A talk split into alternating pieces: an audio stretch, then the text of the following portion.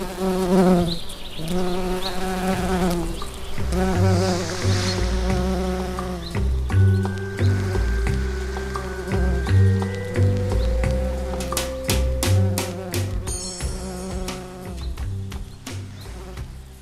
vet inte hur många gånger jag har hört frågan. Hur börjar allt? När jag gett intervjuer. Och när jag då undrat vad de menar med frågan, så har de sagt när du blev känd. Frågan känns alltid lika märklig för mig. Jag hade ju inte suttit i intervjun ifall jag inte hade hållit på med musik sedan jag var riktigt liten. Mamma och pappa sjöng med mig dagligen från att jag föddes. Eftersom finska tidningar under alla år mestadels valt att skriva om mina sjukdomar och pojkvänner och rättegångar, så vill jag försöka berätta för er vem jag är på riktigt, även om tiden är lite knapp. Jag ska berätta om min kärlek till musiken, om mina studier och om slumpen. Om min väg genom livet som artist. Jag har levt ett sagolikt och rikt liv trots min ringa ålder. Men jag har också haft en djävul som pinat mig bakom kulisserna. Jag heter Linda Lampenius och idag är jag din sommarpratare. För mig personligen började min musikaliska karriär en dag när jag var tre år gammal. Mamma och pappa uppträdde då på en Martafest i Lappträsk och jag satt i publiken på första bänkraden. Ja, eller jag skulle ju sitta där på första bänkraden, men bestämde mig plötsligt för att traska upp på scen ställa mig framför mamma och sjunga hennes sånger. Publiken jublade och mamma fick helt enkelt kapitulera. Därefter uppträdde jag kontinuerligt med mina föräldrar. Jag sprang ofta i kulisserna på Svenska Teatern och tittade på alla skådespelare som från kväll till kväll förvandlades från en karaktär till en annan. Det var så spännande att se ridån gå upp att det kittlade i magen. Som fyraåring fick jag själv vara med i pjäsen Hårda tider. Jag minns att mamma matade mig med ärtsoppa och rågbröd på scen. Ja, vi åkte till och med på turné med pjäsen till Sverige och Norge. Och efter föreställningen på Dramaten i Stockholm hade Ingmar Bergman skrutit med mig för min mamma. Och mamma verkar bli väldigt stolt över kommentaren. Men jag visste inte ens vem den där gubben var som pratade om mig. Nåväl, idag vet jag. Eftersom jag älskar teater och att sjunga så var mina föräldrar rätt så övertygade om att jag skulle bli operasångerska när jag blev stor. Jag brukar följa med mamma på klassiska sångkurser under mina första år. Jag hade gått i musiklekskola ända sedan jag var två år gammal. Och när jag fyllde fem, då var det dags att bestämma vilket instrument jag skulle spela. Rektorn på musiklekskolan tyckte att jag absolut skulle spela fiol. Till en början fick hon mycket motstånd från mina föräldrar eftersom de tyckte att en sångerska nog skulle ha mer nytta av att kunna spela piano än violin. Men till slut fick de ge efter. Ja, ingen frågar mig. Och jag hör ju hur konstigt det låter. Men sanningen är den att jag inte brydde mig om vilket instrument det blev. Jag ville bara hålla på med musik. Det var huvudsaken. Min lärare blev Gesa Silvaj. Bröderna Silvaj hade flyttat till Finland från Ungern och börjat undervisa på Itä-Helsingin musiikopisto. Jag var en av de där små violinisterna i deras tv-serie Viuluviikarit musiikkimassa, som resulterade i en violinistboom i Finland. Tack vare bröderna Silvai fick jag resa omkring i världen, uppleva andra kulturer och framför allt musicera tillsammans med fantastiska musiker och redan som åttaåring. Det året blev jag nämligen medlem i deras orkester, The Helsinki Junior Strings. Jag var yngst. De andra var från elva och uppåt. Jag hade kommit med i en orkester som sägs vara en av de bästa ungdomsorkestrarna som funnits. Men vi övade också som tokar. På somrarna innan vi åkte ut på våra turnéer hade vi orkester och stämrepetitioner dagligen under flera veckors tid. Vi brukar sitta inne i Kasperes kyrka från nio till tre eller fyra på eftermiddagarna. Min första resa med orkestern är den som varit mest omvälvande av alla. Vi åkte till USA och Kanada. Vi spelade i fantastiska konsertlokaler och kyrkor. Ja, till och med på Rockefeller Center i New York. Och vi fick stående ovationer och lysande recensioner. Musikaliskt fick jag uppleva så mycket mer än vad man som åttaårig violinstuderande brukar göra.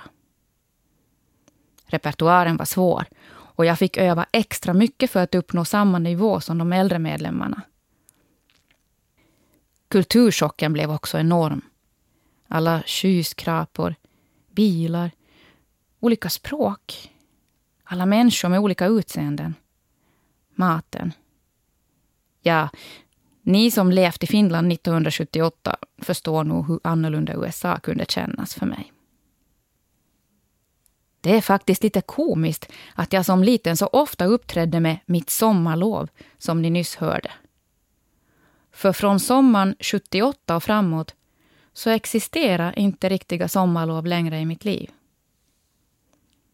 Och när jag var elva kände jag för första gången den ensamheten som senare i mitt liv kom att närvara då jag turnerade i världen. Denna gång var jag alltså för första gången på turné utan mamma. Jag var i Japan och den finska kvinnan som skulle ta hand om mig, hon lämnade mig ensam om nätterna för att gå ut och festa. Jag vågade inte berätta någonting för mina föräldrar. Jag trodde att skulden låg hos mig. Och för att klara mig igenom de här ensamma timmarna knäppte jag händerna, inbillade mig att mamma och pappa höll sina varma händer på mina och så läste jag Gud som haver barnen kär. I början på 80-talet bildade bröderna Silva en ny orkester. Jag förflyttades från den gamla orkestern till den nya och blev då konsertmästare. Men när jag var 15, då var det dags att gå vidare. Jag lämnade GESA efter tio års intensivt samarbete. Jag kom in på ungdomsavdelningen på Sibeliusakademin och började studera för Ari Angervo, GESAs största rival. Jag älskar Sibeliusakademin. Och turnerandet fortsatte, nu med Sibeliusakademins kammarorkester. Jag spelade och uppträdde också med kvartetten Ofelia. Jag bestämde mig för att söka in till högskolan Sibeliusakademin ett år för tidigt, när jag fortfarande gick gymnasiet. Man behövde ju sina studentpoäng för att komma in på högskolan. Poängen från studentexamen och poängen från de olika spelnings-, teori och musikalitetsproven räknades ihop. Men jag gick på skoj och checkade listan på entrédörren när de intagna avslöjades. Jag trodde inte mina ögon. Mitt namn stod på listan. Men det skulle ju vara omöjligt. Jag tror att eftersom jag hade gått in med inställningen det här är bra övning inför nästa år och jag aldrig hann bli så där jättenervös så gjorde jag nog extra bra ifrån mig. Livet som studerande på Sibeliusakademin var verkligen underbart. Det kan låta konstigt när jag säger att jag njöt av att stå och fila på min fiol i timmar i min lilla skrubb på Norra Järnvägsgatan. Men då var jag lycklig. Fingrarna och nacken tog stryk och ibland glömde jag helt bort tiden. Jag älskar tortyren. Känslan av att äntligen klara av en sinnessjukt svår passage efter otaliga timmar av övning, den är obetalbar. Jag har också alltid älskat att lyssna på operasångare för att sen försöka sjunga mina fraser på samma sätt som en sångare gör. Jussi Björling kommer alltid att förbli tenorernas tenor. När jag påbörjade mina studier på högskolan Sibeliusakademin anställde också Sibeliusakademin mig som konsertmästare i kapubändy. Kapuluokka är alltså dirigentklassen.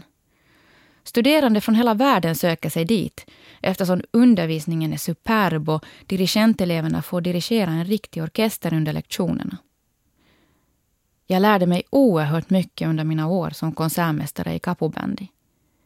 Jag lärde mig om kompositörer, om olika musikstilar och faktiskt också om psykologi. Jag är jättetacksam för de sju åren jag fick jobba som konsertmästare i capobandy. Jag hade flyttat hemifrån när jag var 19 och jobbade ofta som vikarie i olika orkestrar för att finansiera mitt boende. När nya operahuset i Helsingfors blev färdigt 93 började jag jobba där så gott som dagligen. Och snart blev en plats som vikarie på heltid ledig första fjol. Jag sökte platsen. Det blev tre omgångar provspelningar och alla bakom en vägg så att domarna inte kunde se vem som spelade. Vi drog lott om spelordningen innan varje omgång. I finalen tävlade bland annat en manlig violinist från Italien. Han blev oerhört förolämpad när jag, en ung blond kvinnlig violinist, vann och fick platsen. Det är svårt att förstå varför rekryteringar inte går till så här i alla branscher. I början av 1995 kontaktade en cellist mig och frågade ifall jag ville extraknäcka som violinist i hennes trio i tv-serien Jäite hatton. Ah, vi satt i bakgrunden och spelade. Det var lätta pengar och roligt samtidigt. En vacker dag dök Pertti Pasanen upp vid mitt bord på kaféet i Maikkaris studiohus och frågade blygt ifall han kunde sätta sig vid mitt bord. Han undrade om jag ville vara gäst i hans program Spedens Spellit. Efter att ha gästat programmet blev jag en återkommande musikgäst i många avsnitt framöver. En morgon ringde Pertis sekreterare och frågade ifall jag kunde komma in och spela in ett program med Pertti. Jag hade aldrig varit programledare innan, men det tänkte jag inte på just då. Jag svarade ja. Några dagar senare hade vi igen ett möte på restaurang Casamare nära Pertis hem. Han berättade då att han bett mig komma till studion med så kort varsel för att testa mig. Han ville se hur jag reagerade i svåra och spontana situationer. Och sen började han berätta om sina kommande programidéer och hans principer. Han ville ha sådana kesto ihmisiä som han kallar dem. Människor som kunde jobba med olika saker i flera årtionden och vars namn aldrig skulle glömmas. Han nämnde Rita Väisänen, Hannele Lauri, Johanna Raunio, Marita Nordberg, Vesa-Matti Loiri och Simo Salminen. Pertti hade nog genomskådat mig och förstått hur dålig självkänsla jag egentligen hade. För han sa, du måste förstå hur speciell och unik du är.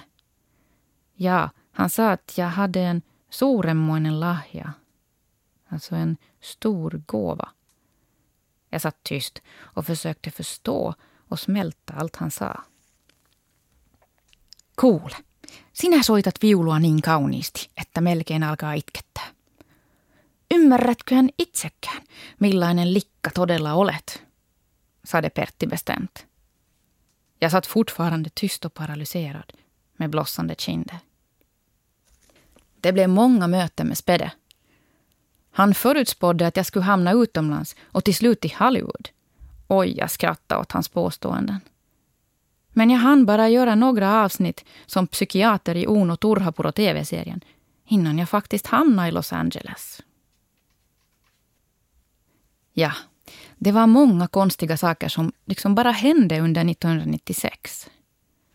Plötsligt från en dag och framåt så fanns det bilder och texter om mig i tidningarna. Det var dagen efter Jussigalan. Ilta-Sanomat och Iltalehti lade ut bilder på mig. Det skrevs att någon kameraman skulle ha filmat endast mig under hela galan. När jag såg programmet efteråt insåg jag att jag hade varit i bild rätt så mycket. Men det var väl inte så konstigt. För det första var jag konsertmästare i Sibeliusakademins symfoniorkester som spelade under sändningen. Och som konsertmästare har man ofta några solosnuttar. Och eftersom jag satt längst fram bredvid dirigenten så syntes jag automatiskt varje gång dirigenten eller någon sångsolist var i bild. Tidningen Menaiset kontaktade mig efter det här och frågade ifall jag kunde tänka mig att göras om till en Hollywoodstjärna i ett kommande nummer. Marika Krook skulle göras till Julia Roberts i Pretty Woman, Minna Tervamäki till Sharon Stone i Basic Instinct och mig ville de göra till Pamela Anderson i Barbed Wire, filmen som just då kom ut. Marika Rosengård är en fantastisk fotograf och jag tyckte att det lät som en rolig idé. Bilderna på oss alla blev otroligt fina.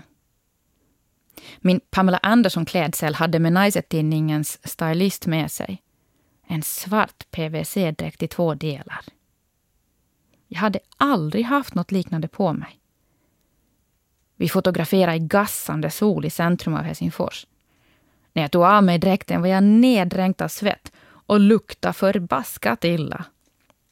Stylisten sa, ja, vi kan ändå inte använda den där dräkten igen, så ta med hem den du. Den åkte i en tvättbalja så fort jag kom hem. En kväll var jag gäst i Erkki Liikanens talkshow. Han hade komponerat ett väldigt vackert stycke åt mig. Romans i Lindalle, som jag framförde i programmet. Det som var jobbigt för mig var att han ville att jag även skulle spela en popversion av Bast och Kata och Fuga eftersom Vanessa May var så stor ut i världen med just en uppoppad version av Toccatan och Fuga. Min första reaktion var, är du galen? Att göra pop av klassisk musik är som att våldta musiken. På något jäkla vänster lyckades ändå Eki övertala mig. Och pang! Ett dygn senare hade två finska skivbolag kontaktat mig för att de ville att jag skulle spela in en skiva med dem. Jag visste inte då hur viktigt det hade varit att låta en advokat med musikbranschen som sitt område att titta på kontrakt. Min dåvarande fästman Kalle Kivimäki, han levde i tron att han var kompetent nog att förhandla med ett skivbolag. Så det var Kalle som förhandlade fram mitt kontrakt med Audiovox. Jag lät dem dock förstå att det inte skulle bli någon skiva ifall de ville att fler klassiska stycken skulle slaktas och omformas till någon slags popgegga. Alla stycken skulle antingen vara klassiska eller nyskrivna poplåtar. Jag hade tur. Audiovox jobbar nämligen med kompositören Mika Toivonen som råkar vara otroligt skicklig på att skriva vackra melodier just för fiol. Tidtabellen för både komponering och inspelning var helt galen. Skivan skulle ju vara klar nu. En av dagarna spelade vi in i en buss som var omgjord till en studio. För min del var det alternativet långt ifrån optimalt. Ingen akustik och stråken tog i taket när jag spelade. När bilderna skulle tas till singeln och CD-omslaget dök Menaisets Pamela Andersson-bilder upp i diskussionerna. Skivbolaget tyckte att den looken skulle passa perfekt i singeln Violator som handlar om en stark kvinna som sparkar bort alla män som försökte komma henne för nära. Jaha, in i studion hos fotograf Enrico Seri och på med svettdräkten igen. Jag var mager som en skrika på den tiden och blev helt svimfärdig i värmen från alla lampor. Jag bad om att få sätta mig ner och ta en liten paus.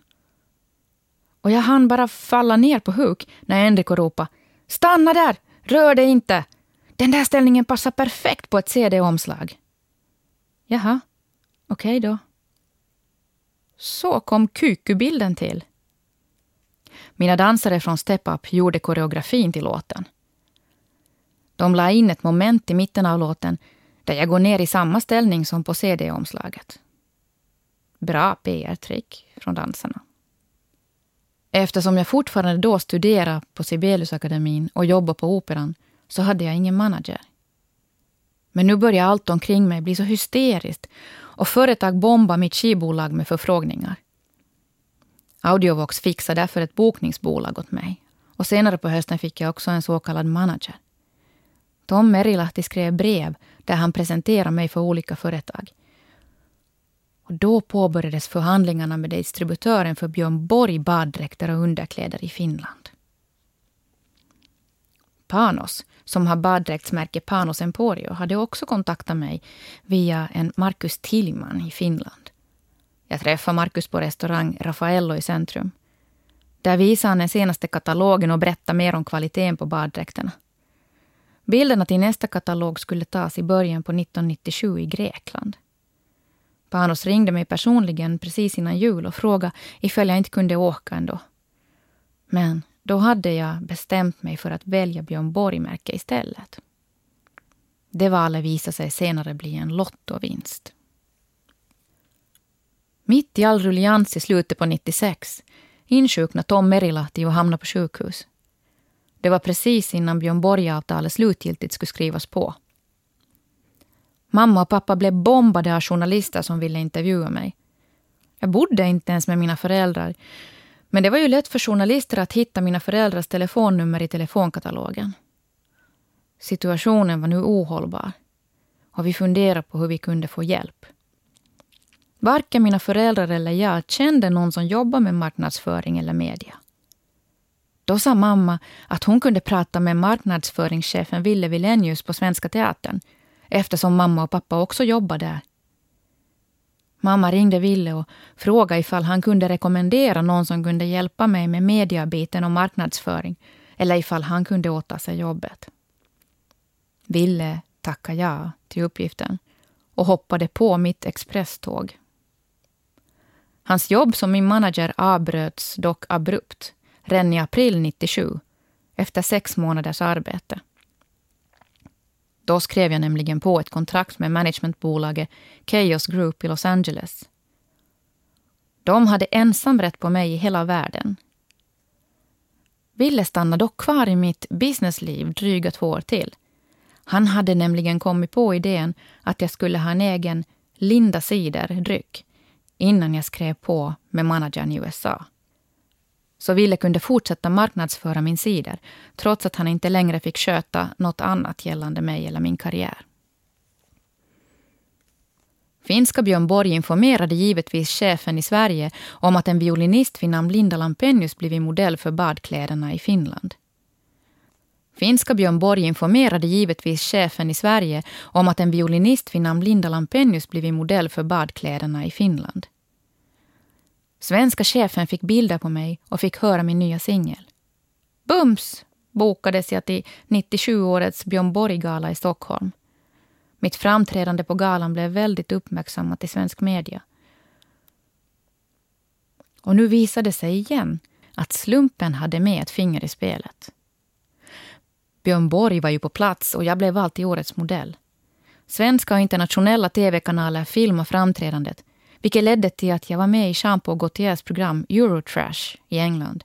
Vilket i sin tur ledde till att Lord Andrew Lloyd Webber låg hemma i soffan och såg mig på TV och kontaktade mig via min amerikanska manager i Los Angeles.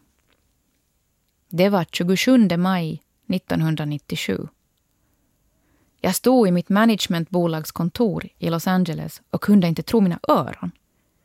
Jag pratade plötsligt med Andrew Lloyd Webbers assistent och han sa att Andrew ville att jag skulle spela som solist i hans nya instrumentala verk Metal Philharmonic i England senare på sommaren.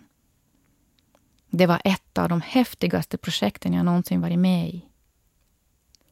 Och det här projektet och all mediahysteri kring det i England ledde i sin tur till att när fotografen Alison Reynolds, som jag hittat slumpmässigt i telefonkatalogen i Los Angeles, fotograferade mig en dag i LA, så frågade hon ifall hon fick berätta min historia och visa bilderna för en man som hette Hugh Hefner. Jag stod där som ett levande frågetecken.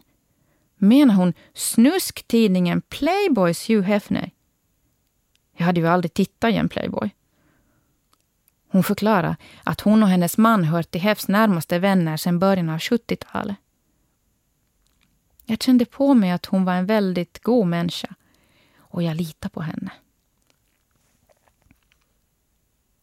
Snart blev jag ombedd att träffa Hefs högra hand, Marilyn, en äldre dam. Hon rabblade upp en massa amerikanska artigheter och superlativer. Och sen var det dags att träffa självaste Hef. Jag var jättenervös. När jag kom in i rummet möttes jag av ett varmt leende. Först var det rätt så tyst i rummet. Sen sa han att, att jag hade samma aura runt mig som Marilyn Monroe haft när han träffade henne. Snart fick jag veta att Playboy erbjöd mig ett kontrakt som hette Celebrity Cover Editorial Pictorial.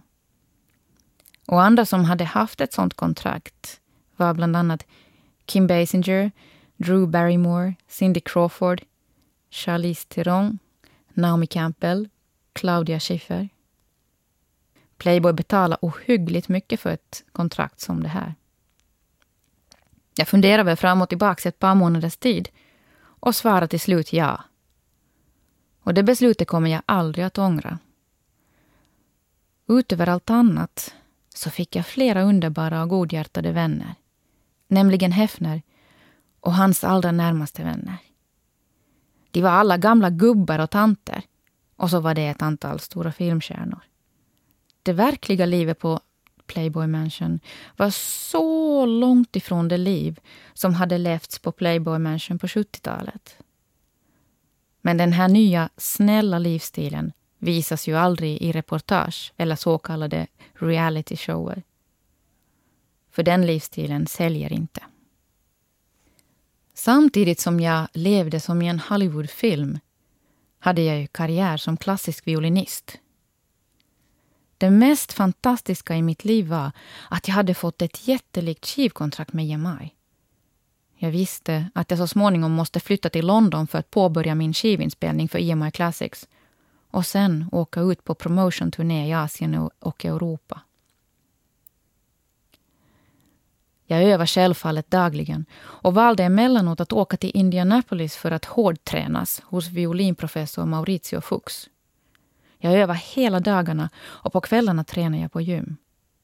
Jag förstod det inte då, men jag led av en blandning av anorexi och träningsnarkomani. Jag var besatt av att ha kontroll över mitt liv, till hundra procent. Min bulimi, eller rättare sagt mitt helvete, började i oktober 1999 när jag bodde på Pembridge Crescent i Notting Hill i London. Jag minns första gången jag handlade mat som jag sen skulle spy. Det var nära mitt hem, på ett café där pizza och lasagne var framlagt på hyllorna i fönstret. Jag hade ju sett maten varje gång jag passerade kaféet. Jag brukar tänka, usch, vad äckligt. Gud vad stark och duktig jag är som inte faller för sån där skräpmat. Jag kände mig stark och hälsosam. Och så hade jag ju känt ända sedan jag var 15 år gammal. Nu var jag 29. Men just den här dagen kände jag mig väldigt ensam och maktlös. På våren 98 hade jag nämligen stämt min amerikanska manager för att han förskingrat all min inkomst under ett års tid. Den tvisten avslutades på våren 99. Och då såg allt ljust ut igen. Tills en mångmiljonär som presenterat mig för just denna manager stämde mig på 10 miljoner dollar för att jag hade uttalat mig på ett visst sätt i en finsk tidning. Nu hade alltså min värld rasat. Plötsligt hade någon annan tagit kontrollen över mitt liv. Jag hade ju haft stenkoll på allt sedan tonåren. Till och med mitt ätande. Jag visste att jag inte gjort något fel. Men jag visste också att man i Kalifornien kunde vinna en rättegång ifall man hade tillgång till mycket pengar, även om man hade fel. I och med att han stämde mig fick jag inte heller skriva på nya kontrakt i USA innan ärendet var avslutat. Detta hade alltså hänt kort innan den dagen då jag gick in på kaféet och köpte med mig av den förbjudna maten. Jag hade hört om alla kändisar, och artister och fotomodeller som spydde upp maten då jag bodde i Los Angeles. Nu kände jag en stark längtan efter att bli tröstad. Jag kände att jag inte orkade hantera situationen själv. Stämningen från mångmiljonären, pressen inför att mitt första internationella klassiska album skulle ges ut globalt och vetskapen om att jag skulle ut och resa, utan vänner, endast med folk från IMI. i Asien och Europa, blev bara för mycket. Jag köpte den förbjudna maten, jag åt den och rusade till toaletten. Efteråt kunde jag inte sluta gråta. För det första hade jag tappat kontrollen. Kontrollen som hade funnits i mitt liv så starkt sedan tidiga tonåren. För det andra kände jag mig äcklad. Äcklad över allt fett och alla kolhydrater. Allt smuts jag hade fått i mig. Men det behövdes bara denna gång för att djävulen skulle ta mig. Han fanns efter det konstant i mitt huvud och kom fram oftare och oftare och krävde att jag skulle vräka i mig mat och spy. Mina tankar blev allt mörkare och attackerna kom oftare och oftare. Jag kände att jag varken orkade eller ville leva. I slutet på år 2000 kunde jag inte längre hålla fasaden uppe. Jag ville bara vara med mina föräldrar och flytta tillbaka till Finland. Jag bodde till en början i mammas och pappas lägenhet. Men min bulimi eskalerade och jag var rädd för att bli påkommen. Jag hyrde en lägenhet. Där åt jag och spydde om vartannat. Jag ringde olika psykmottagningar och bad om hjälp. Från att konstant stått på scen sedan barnsben kändes det nu som om jag hamnat i ett svart hål. Plötsligt en vårdag år 2002 fick jag ett mejl från Hamburger Börs i Stockholm. De ville att jag skulle göra en av huvudrollerna i en ny show. Självfallet tackade jag ja till erbjudandet och såg framför mig hur ett nytt liv i ett nytt land skulle förinta bulimidjävulen. Plötsligt hade jag så mycket nytt att tänka på och glädjas åt. Jag ville så gärna bli vän med de andra i showen. Men jag vågade inte släppa in någon i mitt liv. Den där vidriga djävulen var starkare än jag. Jag kände mig som en slav som tvingats in i ett beroende som inte gick att motstå eller övervinna. Han fick mig att isolera mig från den övriga gruppen för att jag skulle kunna fortsätta leva som hans slav och följa hans regler. Sent på kvällarna, när föreställningarna var över, skulle jag egentligen åka raka vägen hem till min lägenhet i Nacka eftersom det var dags att gå till sängs. Men oftast blev det inte så. Istället körde jag till någon snabbmatsrestaurang eller kiosk och köpte glass, godis, lasagne, muffins eller annat som jag visste att jag skulle kunna spy upp relativt lätt. Det gick inte att motstå det här begäret. Min kropp skrek efter fett och socker och inombords kände jag mig så fruktansvärt ensam. När jag satt mig i bilen med all mat i knät kunde jag inte hålla mig. Jag grät. Samtidigt som jag panikartat började trycka i mig maten jag köpt. Jag kunde sitta med chicken nuggets, fyra glassar med chokladsås, en milkshake, en eller två stora Sprite Zero och ett par hamburgare i famnen. Väl framme i lägenheten fortsatte jag att hetsäta tills alla smulor var uppätna. Under själva frossandet kände jag mig euforisk. Alla problem och känslan av ensamhet var som bortblåsta. Sen slog smärtan till. Magsäcken kunde inte ta mer. Jag blev yr och snart tog ångesten över. Skam, obehag, äckel. Det var vad jag tänkte på just då. Hur hade jag kunnat göra något så äckligt som att hetsäta? Hur kunde jag vara en så misslyckad person? Varför hade jag tappat kontrollen? Igen. Jag som hade haft full kontroll på allt i mitt liv under så många års tid. Och plötsligt kom paniken. Jag måste få ut allt. Allt, allt, allt. Nu fanns det återigen ingen annan utväg än att kräkas. Jag rusade till toaletten, böjde mig ner över toaletten och satte fingrarna i halsen.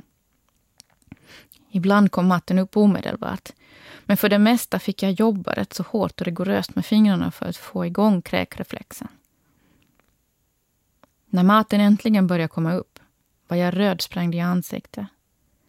Tårarna rann. Det smärtade i halsen av allt våld. Men jag kände en oerhörd lättnad. Jag skulle bli av med allt det äckliga. Jag fortsatte attackera min hals, gång på gång.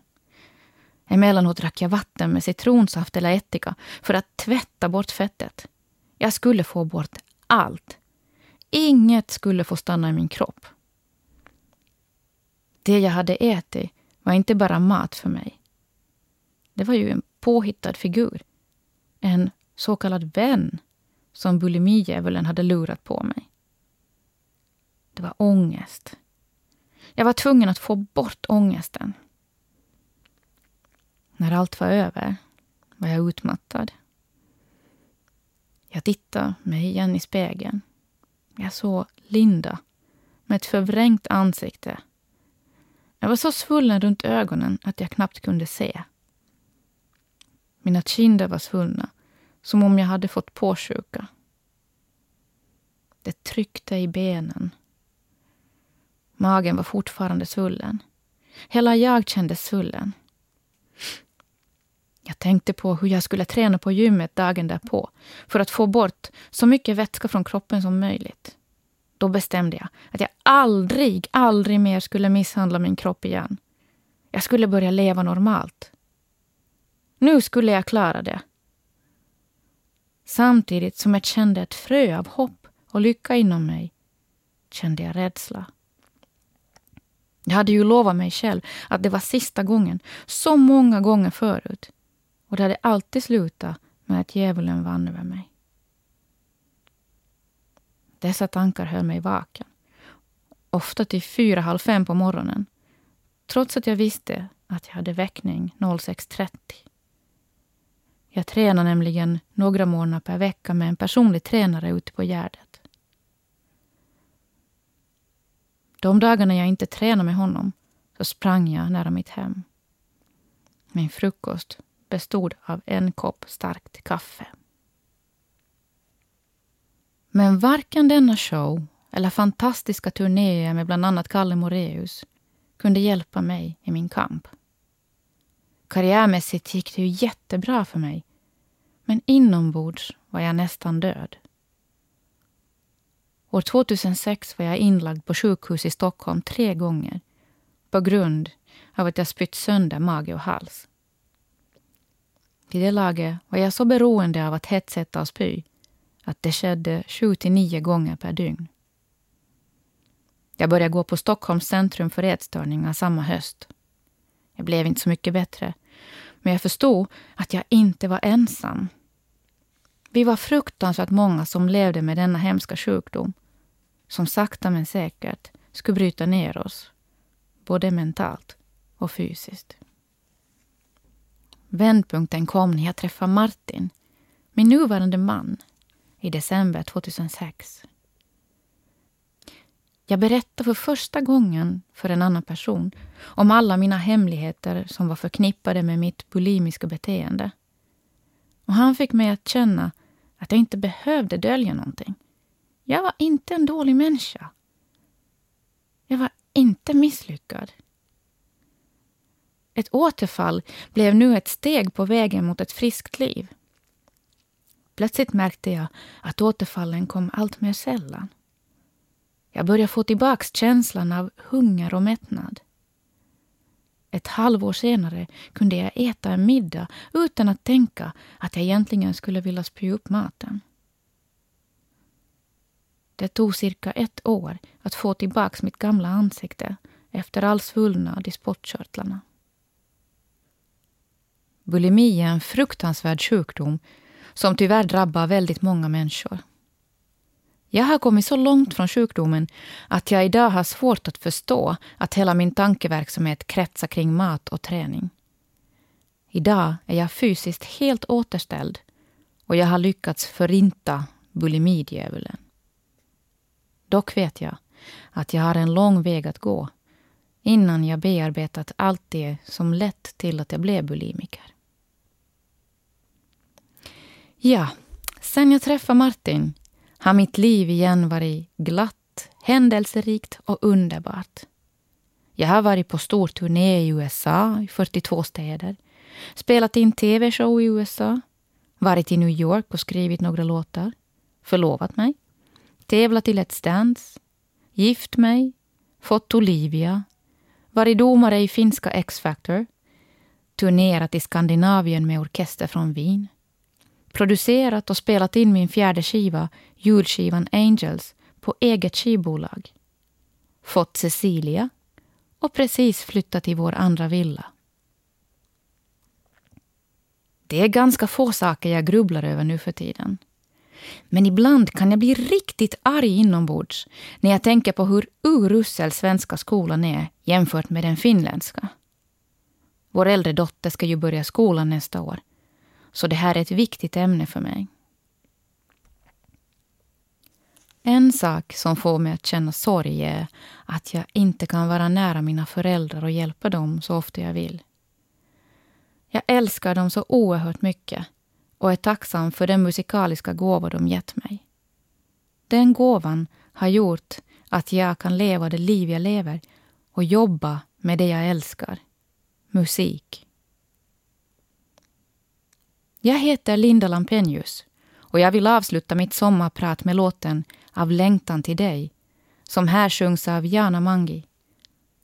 Precis som hon gjorde på vårt bröllop i Jukkasjärvi iskyrka.